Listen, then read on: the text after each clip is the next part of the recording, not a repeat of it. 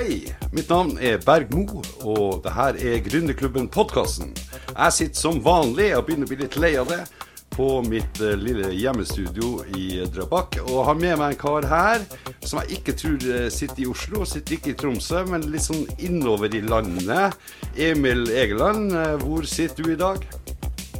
Du, hvis du kjører E6 uh, mot Lillehammer, kommer til Lillehammer, så ser du Sviksbygget. Og da tar du til venstre. Da kommer du til Gausdal. Akkurat. Sitter i Gausdal. Ja. Ja, Gausdal, ja. Ikke sant? Det er ikke noe uh, dum plass, det. Jeg har jo vært litt oppover i Innlandet gjennom året, jeg også. Så det er jo fantastisk. Så det er morsomt at du er der. Og jeg vet at du uh, har jo hatt en liten overgang, for å si det sånn, uten å snakke liksom skispråket, men du har, eller fotballspråket, men du har hatt en overgang fra Kanskje det vi kjenner deg best for på gründerklubben, er jo egentlig Yellow Jersey, som var mer en sånn CRM-system. Og nå du havna i Søm. Altså, Fortell meg litt om det her. Hva er det her for noe? Nei, det er eh, kan si kort om Yellow Jersey, som er et eh, ERP-system som eh, dekker egentlig alt du trenger med prosjektstyring, CRM, timer, ti til sende tilbud osv. Uh, og, og alt det greiene der, som er et system som jeg laga. Eh, ja, og så kan du si så eh, følte jeg vel aldri at jeg fikk den ordentlige nailen på, på markedet. At jeg traff liksom ikke helt en suveren eh, kundegruppe som jeg følte jeg var helt aleine om å levere på. Så det, så det var eh, rett og slett eh, at uh, Da tenkte jeg OK, jeg har et kjempesystem. Hva annet kan jeg bruke det til enn å selge det direkte? Uh, så kom jeg da i prat med noen som hadde en bedrift her oppe i Gaustad, som driver med industrisøm. Og bare for å forklare hva det er for noe, det er Ja. alt, alt som ikke er å sy klær, det er egentlig industrisøm. Ja, litt tyngre greier. Litt, Litt tyngre greier, ja. Litt større nåler, for å si det sånn. Yes. Vi kan sy eh, alt fra ting til oppdrettsbransjen, vi kan sy sportsutstyr, forsvarsmateriell osv. osv. Kan komme litt mer inn på det etterpå. Men eh, konklusjonen var vel at jeg fant en bedrift som hadde et kjempepotensial, som var litt underdigitalisert og undermarkedsført. Eh, og da tenkte jeg at da begynner det å snakke mat for meg her. Eh, Ja. ja. Ja, det her er jo veldig eh, også spennende for mange på gründerklubben. For at det er mange som absolutt skal starte fra scratch med sin egen ting. Mens det er faktisk en masse masse muligheter der ute. Også i forhold til generasjonsskifte og andre ting som kan skje i på en måte veletablerte bedrifter. Eh, Der en sånn kar som deg kan komme inn og lage en liten revolusjon og ta alt til, eh, til neste nivå. Så det er utrolig spennende. Og det her må vi jo digge litt inn i, altså. Så jeg tenker liksom hva har vært de største utfordringene fra å hoppe fra Yellow Jersey og inn i søm? Når Ja, du kan si det er forskjell på å skrive kode eh, og ha alt digitalt, og faktisk at uh, nål skal gå gjennom et stoff. eh, og før man kommer til at man faktisk skal sy, så skal de også gjerne lage produktet. Eh, så det har jo vært en eh, Det har vært mye å lære de månedene jeg har vært her. Samtidig så har vi en kjempestab her, så det er jo egentlig best om jeg holder meg lengst unna produksjonen. Det må jeg bare si, for det, det er det de kan. Jeg kan salg og markedsføring. Eh, men, men man må jo på en måte ha en forståelse for hvordan man opererer, hvor det, hva en bedrift faktisk gjør for å kunne hjelpe kunder.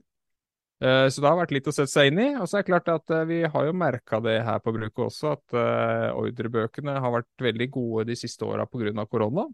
At det har vært vanskelig å produsere i Asia. Og det, da må du produsere, da må du gjøre det i Norge. Og da er det jo veldig kort vei til Gausdal. Enklere å sende fra Gausdal enn fra Kina. Så det er klart det har vært, vært veldig gode år her. Og så ser vi det at nå må vi virkelig opp i ringa for å holde oppe det trøkket vi har hatt.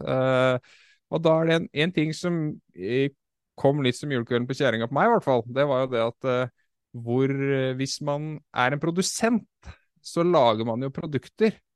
Eh, og så er jo da typisk eh, firma A min kunde. Eh, men min kunde, da har jeg jo ikke noe kontroll på sluttkunden, sant? Så hvis han da finner ut at han plutselig skal produsere et annet sted, så blir jo vår bedrift veldig sårbar. Så her har vi sett eh, og tatt noen grep da i forhold til det, for å prøve å legge til rette for at vi skal være en sunn bedrift de neste åra også. Ja. Nei, Det føles ut som bra grep, det også. Og så har du jo plutselig fått en god del ansatte i fanget. Sånn som jeg kjenner deg fra tidligere, så har du vært litt sånn soloentreprenør. Altså, ja. Hvordan har den overgangen vært? ja, nei, eh, du kan si det er jo kanskje viktig å vite hva en er eh, Jeg veit ganske bra hva jeg er jævla dårlig på. Uh, learn the hard way. Uh, og det er ofte sånn typisk gründer som skal gjøre alt på sin måte, så finner han ut hva han kan og ikke kan. Uh, men så veit jeg også etter hvert hva jeg er god på. Og så hadde jeg veldig flaks med det staben som på en måte er her, at de du kan si bedriften eh, GSI, Gaustar Suving Industry, eh, som har et veldig internasjonalt navn, men som stort sett bare har norske kunder, som for øvrig er en ganske morsom historie, hvor vi plutselig fikk en kunde i Sør-Korea. Eh, men han skjønte ikke da gamle bedriften, den het jo da Gaustar Leiesøm. Han skjønte ikke leiesøm, det sleit han med å oversette til sørkoreansk. Det kan jeg forstå. Så, så, da var det en som er her som hadde gått folkeskolen og lært seg litt engelsk. Da ble det Gaustar Swing Industry. Um, så, så, vi er jo rigga for internasjonal vekst. Men uh, du kan si det eneste man har brukt på markedsføring her de siste 20 åra, det er egentlig uh, at man har annonsert at man har vært på gulesider.no. Vært inne på en sånn abonnementsløsning der, og der dukker man jo gjerne opp uansett. Så, så det er et potensial her, så vi var ganske klart at jeg kan ta markedsføring, og så kan de ta produksjon. Så tror jeg det er det beste. Og så er det jo også sånn at uh, da man kommer utafra, så, så Jeg har jo kjøpt bedriften, så da er det på en måte meg det står og faller på. Uh, og jeg hadde noen tanker på hva jeg trodde vi skulle gjøre, og så plutselig oppdager man at da man kommer inn et sted, så kan man jo ha tenkt en del. Så da begynner en ny jobb, så har du kanskje noen tenke, uh, tanker om skal jeg gjøre det sånn og sånn, og så, for da blir det bedre. Men så er det jo kanskje en grunn til at man har gjort ting med kunder, eller hvordan man har kjøpt inn varer, eller alle de tinga der. Så man må på en måte prøve å kjenne litt på hva som er gjort, og trenger ikke å gå på alle eh, feila som bedriften har gjort i løpet av 38 år på nytt. da. Nei, Så du lytter, du lytter til de ansatte. Men føler, føler du presset? Altså i forhold til at det er halve Gausdal jobber hos deg, på en måte? Du setter deg litt på spissen? Ja, ja, ja. ja, ja kjempe. Uh, absolutt. Jeg har investert en del penger her. Uh, og det er jo folk som får lønna si her. Uh, og vi er jo, det er jo ikke så mange bedrifter i Gausdal av litt størrelse, så, så, vi må jo bare eh, gi gass. Og så er det klart, det som jeg syns har vært kjempegøy etter at jeg kom hit, det var at den ikke sant, Gausdal, ganske langt inn i landet, litt sånn stille plass. Tenkte jeg hva slags mennesker er som jobber der, og da kommer jeg, da, som er litt sånn eh, racermotor, i bånn gass og har jobba i flere Jeg har vært innom flere gaseller og den biten der. Jeg har vært innom selskap som har gått eh, skikkelig godt skogen nå, så jeg liksom, men det stort sett har det gått fort, da. Uansett om det går bra eller dårlig. ja. eh, hvordan er det da jeg tar med det tempoet inn her? Men det har vært eh, faktisk helt rått. For de har jo blitt like tent som eh, det jeg er. For at de har på en måte hatt et kjempeprodukt og laga gode produkter over tid. Eh, men så har de kanskje ikke vært så utadvendte, da, for å si det sånn. Og, så jeg var litt skeptisk. Jeg tenker at du kan jo risikere at folk setter seg helt på bakbeina. Og man veit jo aldri at det kommer en gjøk inn da, som skal gjøre om på alt. og så og det har skjedd, det. Og så gjør du noen uh, slarvete kommentarer, eller du har en framferd som ikke er helt uh, sånn som kanskje de er vant med. Men dette, det har vært helt rått. Så, er, uh, så her gir vi gass, og her er vi som et lag. Og har vi også hatt noen diskusjoner da, i og med at vi fant ut at nå må vi ta en fot i bakken. Det har vært litt for gode år i forhold til korona. Og så skal vi fortsette videre. Og da syns jeg de ansatte har vært veldig flinke til å komme med forslag, og de har jo sett mange ting som jeg ikke visste om. og vi har jo en sinnssyk historie her, så det er bare begynt å høste i den. Så har jo kundene kommet uh, rekende på fjøl. Så det har vært uh, veldig greit å ha et team. Det er veldig deilig å være flere om det. Er du aleine, så må du liksom gjøre alt, da. Om det er å gjøre regnskap, eller om det er å selge, eller om det er å produsere og rydde. Altså, du må gjøre alt. Samtidig, jeg gjør alt her også, for jeg først jeg vil lære, og for det andre så veit du må gå foran. Og skal det ryddes på lageret, så går det aldri fortere enn da sjefen er med og bærer, ikke sant. Så så du må Jeg tror det er smart å være der, i hvert fall. Men, øh, men det er annerledes, og så syns jeg det er morsommere. Ja. Så du, du, har fått, du, har fått, en uh, helt ny tilværelse der, og du uh, snakker med de ansatte, får dem med på laget, tenner gnist og, og, i det hele tatt. Det høres jo veldig, veldig motiverende ut. Mange flere burde jo se på sånne muligheter rundt omkring i Norge. Der det finnes uh, bedrifter som absolutt trenger et sånt drivjern som, som deg. da som kan komme inn med den gründerspiriten, egentlig. Ja, og det tror jeg også kanskje, hvis jeg kan eh, hoppe inn der, at det, det er jo ikke sånn at eh, jeg tror kanskje noe av det vanskeligste du kan gjøre, er jo å starte ting helt fra bånn av. Men så er det jo også gründere. Vi er litt sånn der eh, shiny object-folk, ikke sant. Vi bygger opp noe, så har vi lyst til å prøve noe nytt, for der er det enda større penger å tjene, eller enda mer moro, ikke sant. Det, alle jeg kjenner som er gründere som har på litt, er der. Så, så, jeg er ganske sikker på at det er ganske mange bedrifter bare i gründerklubben-gruppa uh, som uh, folk kanskje er litt lei av. Kanskje hvis man hadde hatt en som kunne kommet og overtatt, så er det muligheter både for at den bedriften kunne blitt bedre, men også at de som da driver den i dag, kunne prøve noe som er kulere for de, da. For det er jo litt sånn. Ja, men så... nå, har, nå har jeg lyst til å teste ut noe her. ikke sant? For at mm. jeg vet at det er veldig mange på gründerklubben som har ganske kule ideer i forhold til eh, produkter. da ja. eh, som de kunne tenke seg å realisere. Og så er det jo det der eh, kvantespranget til Kina, på en måte, der du må mm. lære deg eh, si, hvordan du kommuniserer med kinesere på veldig kort tid. Ja. mm. Og du vet at, at, det er mye risiko involvert i, i, en sånn tidlig fase. Mens da jeg har jo lært dere å kjenne litt, så jeg vet at dere kan gjøre en god del ting her. Altså, Hvis vi snakker om, om søm, altså har du noen eksempler? Ja. på, altså på prosesser der dere kan eh, gjøre noe for medlemmene av Gründerklubben og dem som mm. lytter på denne podkasten her, i forhold til la meg si, å produsere en pilot eller en nullserie? Ja. Eh, for å ta litt sånn kort, da, sånn i produksjonsverden, som jeg har blitt kjent med litt nå, så er det det første man gjør, at man har jo kanskje en idé. ikke sant? Man har en idé, og så skal den da gjøres om til et produkt som kan selges. Det er fra A til Å. In Innafor der så er det gjerne at man lager en prototype, eller kanskje også en skisse innimellom. Og så får man testa den prototypen hvis det er et produkt som skal brukes i et spesielt miljø eller gjøre en spesiell oppgave, så må du teste at den funker. Og så gjør man da gjerne prototype 1, prototype 2 prototype osv. til man finner liksom den rette miksen av materialer og funksjon. Og så setter man da det i en produksjon av en nullserie, som man kaller det. En nullserie er da kanskje 0 til 50, 0 til 100, eller en liten serie, så man da får ferdige produkter som er klare for å selge, men man da ikke bestiller 10 000. For da kan man teste litt større, ha litt flere ulike brukere på det. Det er typisk produksjon. Og så får man tommel opp at dette er bra produkter, så kjører man eh, fullproduksjon hvis man har kundene eller ønsker å prøve å få kundene. Veldig bra. veldig bra. Ja. Altså, men kom med konkrete eksempler nå på så, som, ting. Uh, på ting vi har gjort her, så ja. har vi f.eks. Et, hunde, Norges, et av Europas største hundeutstyrfirma som heter Nonstop Dogwear. Som alle som har bikkje da, de har stort sett et eller annet fra Nonstop på bikkja si.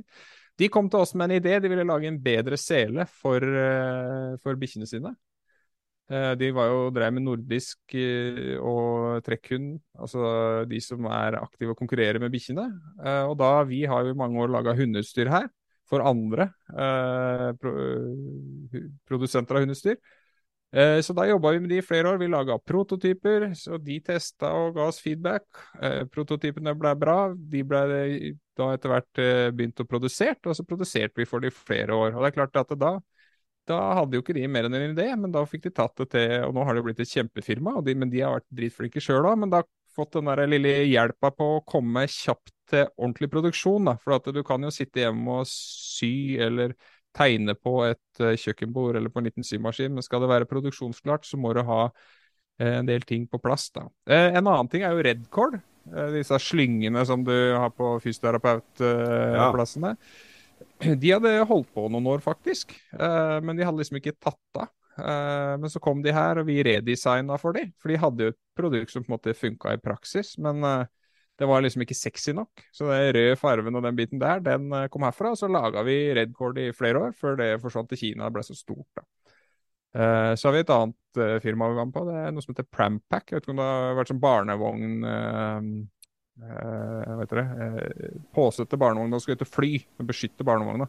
Ah, det trenger jeg faktisk veldig ja. raskt. Ja, ja, ja. Det, det, er, det er et kjempeprodukt og kjempefirma som den begynte her. Uh, ja. Og vi har hatt uh, Hvis du har gått på ski, så har du ikke sant, så har du den der uh, skistroppen du tar på deg over armen, eller på skistaven. Den ble funnet opp av en som heter Gunnar Bjertnæs, som faktisk bor nede i gata hjemme. Eh, og prototyper og sånn ble sydd her. Samme fell, felle, skifellene til Matshus. Så det er veldig mye forskjellig som har vært her. Så det er en lang, lang historie eh, med 38 år av kunder. Men det som kanskje vi For jeg tok en liten runde og diskuterte med, med de som driver mest med produktutvikling her, i forhold til Nå skal jeg prate til gründere. og Hva kan være nyttig for de? Eh, for å komme på en måte Man har jo gjerne begrensa med midler, så det er om å gjøre å få satt om de fortest mulig til et produkt du kan selge eller vise fram, i hvert fall. ikke sant? Eh, og da er det egentlig det med da, du, da jeg som før jeg kom hit, tenkte jeg ah, jeg har en idé, jeg må få laga opp et produkt, og så skal det se sånn cirka sånn ut. Eh, men så er det ofte vi ser at folk kommer og har tenkt ganske mye. De har et bra idé, en bra, bra, forslag til hva det kan være, men så er det ofte at det materialvalg, f.eks. At de har valgt feil tekstil, og da er det kanskje ikke mulig å få laga det på en økonomisk måte da, med de materialene. At de har valgt feil type stoffer da, på vårt språk. Eller så kan det være at de har uh, gjort uh, litt, ting litt vanskelig. Ofte så kan man gjøre ting litt enklere hvis man har litt andre typer maskiner som skal sy, da, i vårt uh, tilfelle. At vi kan sy på en annen måte enn det du må gjøre hvis du skal gjøre det på kjøkkenbordet. Så hvis du vil gjøre det veldig enkelt, om det er et uh, sømprodukt, eller om det er f.eks. et metallprodukt du skal til et uh, mekanisk verksted få laga, det driver jo ikke vi med, men eller om det er et treprodukt, ta, og ta kontakt med noen som kan hjelpe deg tidligere enn det du tror. Du trenger ikke å å ha et ferdig produkt hjemme for, før du kommer til oss. Snarere så foretrekker vi om du kommer litt tidligere, for da kan vi hjelpe deg å unngå en del av de her eh, ekstraarbeidsgreiene som blir dyrere for deg. Så det er eh, liksom Og, og vi syns jo det er litt moro, da. Det kommer inn nye kunder her, og, eller nye gründere da, spesielt, hvor vi da ser ja, dette er kult. Og så er det klart at da du kommer til oss, så kan jo vi også ganske fort gi et estimat på hvor mye det vil koste Uh, og det er jo noen som har sinnssykt bra ideer, men du skal jo på en måte kunne tjene penger på det. Hvis du ser at produksjonskostnaden er noe helt annet enn det du tror, eller kan du også slå andre veien, at det går an å få det billigere, så kan det hende at det blir et business case, da. Og det er jo greit at du har ønske om et nytt telt, eller en ny uh, sekk, eller et nytt uh, forsvarsprodukt, men du må på en måte kunne gjøre butikkare, da, hvis det skal være virksomhet. Ja, og Du sa jo forsvarsprodukt. Jeg vet jo at dere også har levert en god del til, eh, til Forsvaret og sånn. Men det jeg egentlig lurer på, det er jo liksom Er det mulig å drive denne type produksjon i Norge? Altså, Jeg trodde jo alt var liksom flytta til Kina og Vietnam, liksom. Det er jo det jeg har tenkt. Ja, vi driver jo primært mye med barnearbeid her. Og ja, sysselsetter alle barna i Gausdal. Eh, nei da, det er, det er eh, Du kan si det, det vi ikke kan konkurrere på, det er prisen. Ja. Så da er det kvaliteten, og så leveringstid. Primært så er det vel egentlig kvaliteten. Selvfølgelig det er mange som bruker oss fordi at de kan få noe fort. Eh, og det at du kan istedenfor å bestille 10 000 enheter, og det er litt sånn typisk gründergreie, at eh, du kommer i kontakt med fabrikk i Asia, og så sier de ja, det kan vi lage for deg, men du trenger 5000 eller 2000 eller 10 000 eller kanskje enda mer, da. Eh, men alle som har prøvd å starte opp et eller annet nytt produkt som gründer, vet at uh, det ligger mye bra ideer rundt omkring uh, på, uh, på lager i Norges land som aldri har blitt noe salgssuksess. Ja, det er sikkert. Ja, jeg, hadde, jeg har en tidligere kollega. Han hadde laga The Seven Day Boxer Shorts, blant annet. Som var, var gul foran og brun bak. Jævla kul greie, men, ja. men det, det blei ikke noe salgssuksess, altså, selv om det var en kul gimmick. Ja. han hadde det på lager i mange år, og det, det, er jo da med at du kan uh, teste vannet litt, da. Hvis du, si sånn, hvis du sammenligner det med software, da, så er det jo ikke sånn at man uh, bygger uh, et helt sykehussystem fra scratch før du tester det på kunder. Og litt sånn er det jo med produktutvikling også. Det går an å bare få laga Hvis du bare får laga én prototype som ser bra ut, så kan du ta bildene og så kan du selge den på nettbutikk, og så kan du produsere ti og ti hos oss, eller en annen produsent som lager litt færre. og da, da er jo også risikoen mye, mye mindre. Ja, du må bruke litt på prototypen, men da slipper du å sitte med et lager med XL og XX-mål som ingen vil ha, og så selger du det folk vil ha. Altså, det høres jo veldig bra ut. Altså, det er jo ikke bare IT-verden kan du si, at det her med proof of concept og product market fit Eh, er viktig. Det er jo definitivt i denne verden her også, der du kanskje kan produsere en mindre serie, litt forskjellige farger, litt forskjellig design, sjekke med markedet hva de syns, hva liker de best, og alt det der, før du mm. begynner å, å ta frem kalkulatoren og ganger med 1000, liksom.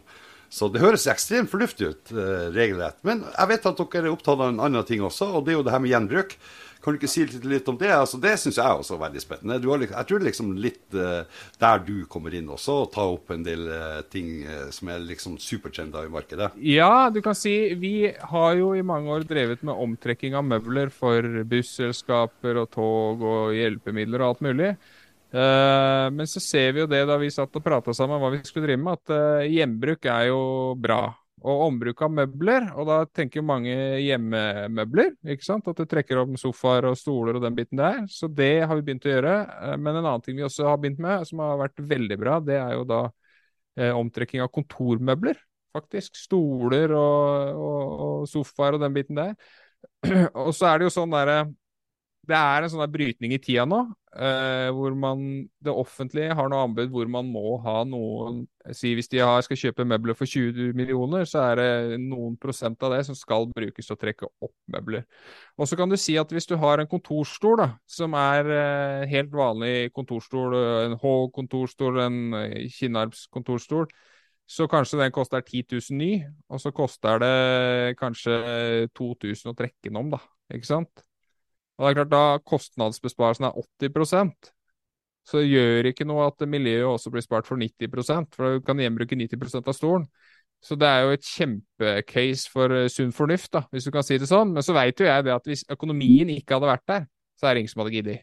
Og det er helt, jeg mener, så, så, enkle er vi og driver en bedrift, om det er stor eller liten bedrift, så må du tenke økonomi først. For har du ikke økonomi, så det hjelper ikke om du det er god på gjenbruk. sant? Men da det går hand i hand, så er det veldig fint. Uh, og da er det også når du er inne på det med omtrekking av stoler og den biten der, så er det jo også sånn at nå, de som produserer tekstiler, de er også, det er litt artig, de driver også nå med gjenbrukte stoffer.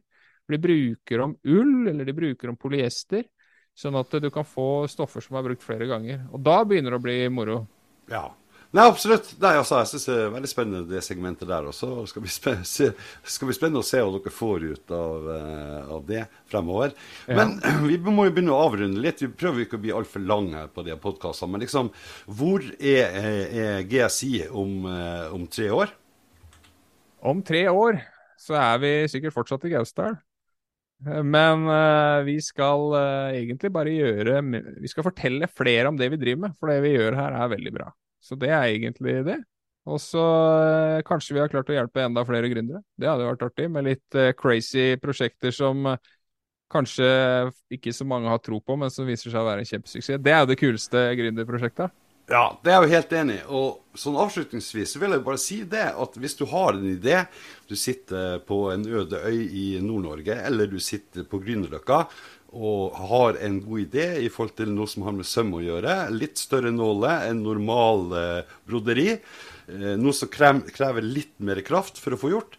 Så må du bare ta kontakt eh, med Emil og teamet hans og GSI oppe i Gausdal og sjekke det ut. Er ikke det riktig sagt? Dere er veldig åpne for at nye folk tar kontakt? Jo, vi er glad for kunder, vi, vet du. Så det er bare å komme hit. Du, Det var det jeg regna med. Så da sier jeg bare det. Ta kontakt med Emil. Emil og hans kontaktinformasjon finner du under. Du finner også eh, informasjon om firmaet. Kontakt og informasjon og lenke til webside og alt mulig. Og så vil jeg bare si en gang til, Emil Egeland. Det var vanvittig hyggelig å ha deg med i Gründerklubben. Vi har jo hatt kontakt gjennom mange år. Jeg håper at vi kan fortsette den kontakten, og at du kan komme tilbake la meg si om et års tid eller halvannet års tid og fortelle hvordan det her har gått. Det har vært veldig kult. Tusen takk for at jeg fikk komme. Da snakkes vi om et år, vet du. Ha det bra.